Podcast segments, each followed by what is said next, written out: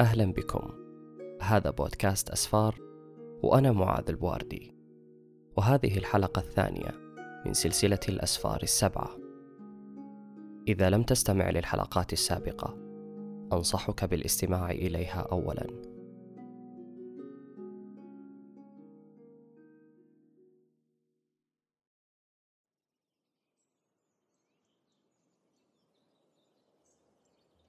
اقتربت من الحمار للركوب فوق ظهره ولكنني واجهت صعوبة في الركوب بسبب جسدي المتألم. أدرك الرجل ذلك فقام بحملي بيديه ومساعدتي على الركوب. ضرب الرجل على ظهر الحمار وانطلقنا ببطء نحو القلعة. وخلال رحلتنا أجاب الرجل على بعض التساؤلات التي كانت تجول في ذهني وأذهانكم. فبعدما مشينا بضع خطوات يسودها الصمت سألني قائلا ما اسمك يا بني؟ فقلت له اسمي أريب وأبلغ من العمر ثلاثة عشر سنة. فقال اسم جميل وما معنى اسمك يا أريب؟ فقلت إنه اسم عربي ومعناه العاقل الفطن. فقال لك من اسمك نصيب أيها الأريب. لم أقل شيئا ومضيت صامتا للحظات. ثم سألته قائلا هلا أخبرتني أين أنا؟ وما هذا المكان؟ فأجابني إجابة يصعب علي استيعابها. قال إنك في عالم آسكارد. فقلت له وأين يقع عالم آسكارد؟ شمالا أم جنوبا؟ شرقا أم غربا؟ فتبسم الرجل وقال لا هذه ولا تلك. تقع اسكارد في الأعلى وجل العوالم أسفلها بما فيها ميدغارد حيث يعيش الإنس والجن. فقلت له كيف ذلك؟ أتقصد أن اسكارد في السماء؟ فقال نعم يا بني إن الكون يتألف من تسعة عوالم مترابطة بجذور الشجرة المقدسة والتي تدعى شجرة يدرسل تشكلت هذه الشجرة العملاقة لربط العوالم التسعة ببعضها البعض. يعتلي هذه الشجرة عالم آسكارد وهو عالم تسكنه آلهة الشمال. بينما يقع عالمكم أنتم أيها الإنس والجن في وسط الشجرة المقدسة. ويسمى بعالم ميدغارد.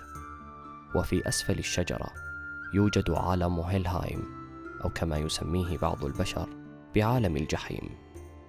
إنه عالم ترسل له أرواح البشر الشريرة وهي الأرواح التي أمضت حياتها في إيذاء الآخرين وظلمهم ونصرة الباطل دون الحق.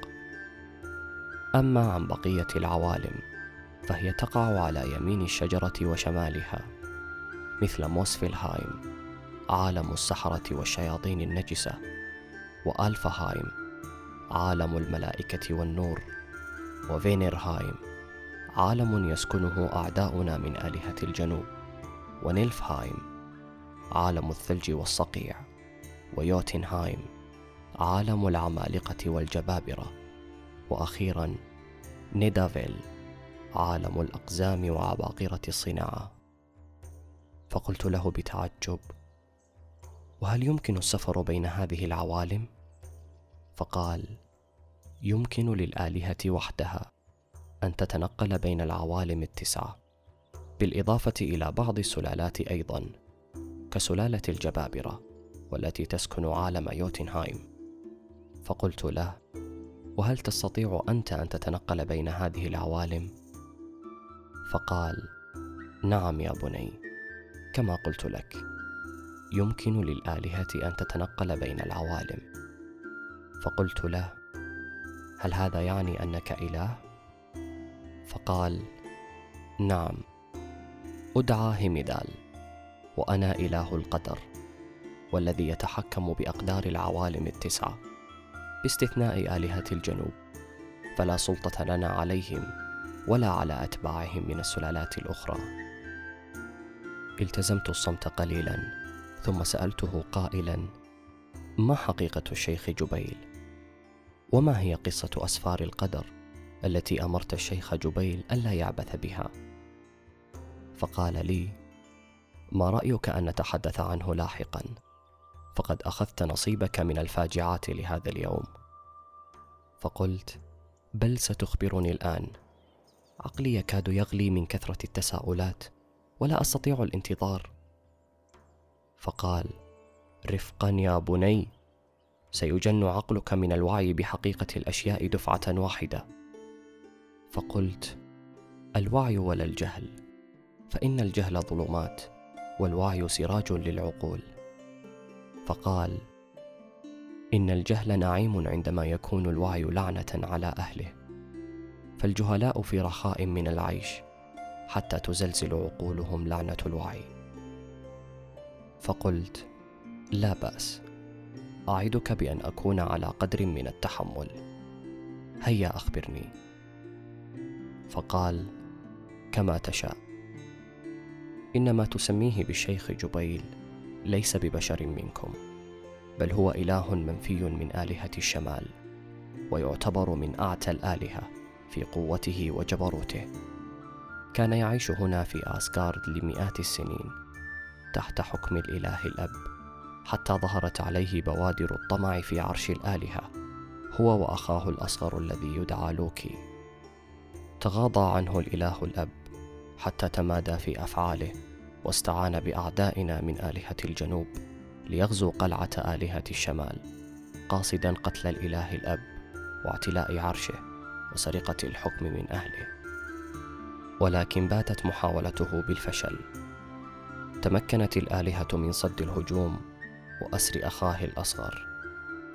ولكن لاذ جبيل بالفرار وتمكن من سرقة السفر السابع من أسفار القدر وهو السفر الأسود الذي أوصلك إلى هنا.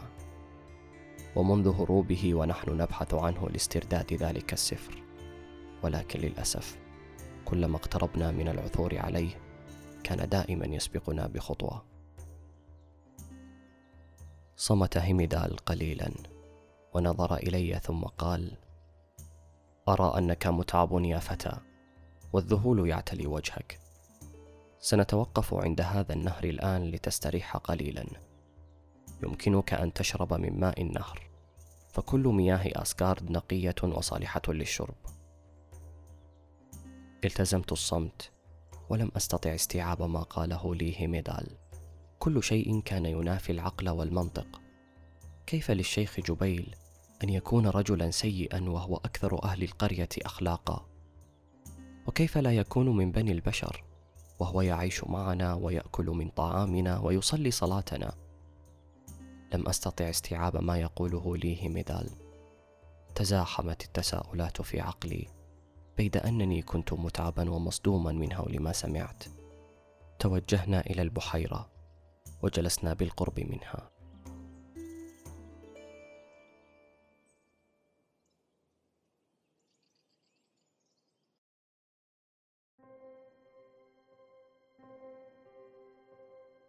اقتربت من البحيرة لأروي عطشي منها فنظرت إليها فإذا بي أرى قاع البحيرة من شدة نقاء الماء الذي بها.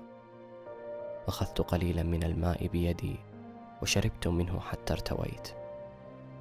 ثم أدرت ظهري فوجدت هيميدال يفترش الأرض بسجاد كان محمولا على ظهر الحمار. اقتربت منه وجلست بجانبه. ثم سألته قائلا ماذا قصدت بقولك أنني ضحية جبيل الرابعة؟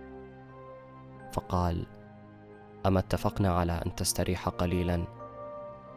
فقلت ولكن عقلي لن يهدأ قبل معرفة ما يحدث. فقال لا بأس. سأخبرك على أن تعدني بأن تستريح قليلا بعدما أنتهي من الحديث. فقلت له أعدك بذلك. هيا أخبرني. فقال بعد هروب جبيل انقطع الاتصال بينه وبين أخيه لوكي الذي أسرناه فقرر أن يرسل الجواسيس المغرر بهم من الإنس والجن من ميدغارد إلى فينيرهايم عالم آلهة الجنوب المتحالفين مع جبيل. كانوا بدورهم يقومون بتسهيل طريق الجواسيس إلى آسغارد لاستراق أخبار لوكي ومعرفة ما يخطط له الإله الأب في سبيل البحث عن جبيل لاسترداد السفر السابع من أسفار القدر. قبضنا على ثلاثة من بني جنسك ولا نعلم ما إذا كان هنالك غيرهم أم لا فقلت له ألم تقل بأن التنقل بين العوالم ميزة تختص بها الآلهة وبعض السلالات من دون الإنس؟ فكيف تمكن هؤلاء الجواسيس البشريين من السفر إلى عالم فينرهايم؟ فقال هيميدال بنفس الطريقة التي أتيت أنت بها يمكن للإنس السفر بين العوالم عن طريق أحد الأسفار السبعة. غير ذلك لا يوجد طريقة سوى أن تقتل في معركة وأنت تدافع عن الحق. فقلت وكيف ذلك؟ فقال إن القتلى في معارك البشر تتلقف أرواحهم فتيات الفالكريز وهن فتيات مجنحات من قبيلة الفالكريز. كل سلالتهن من الإناث. لا يوجد أي ذكر من قبيلتهن.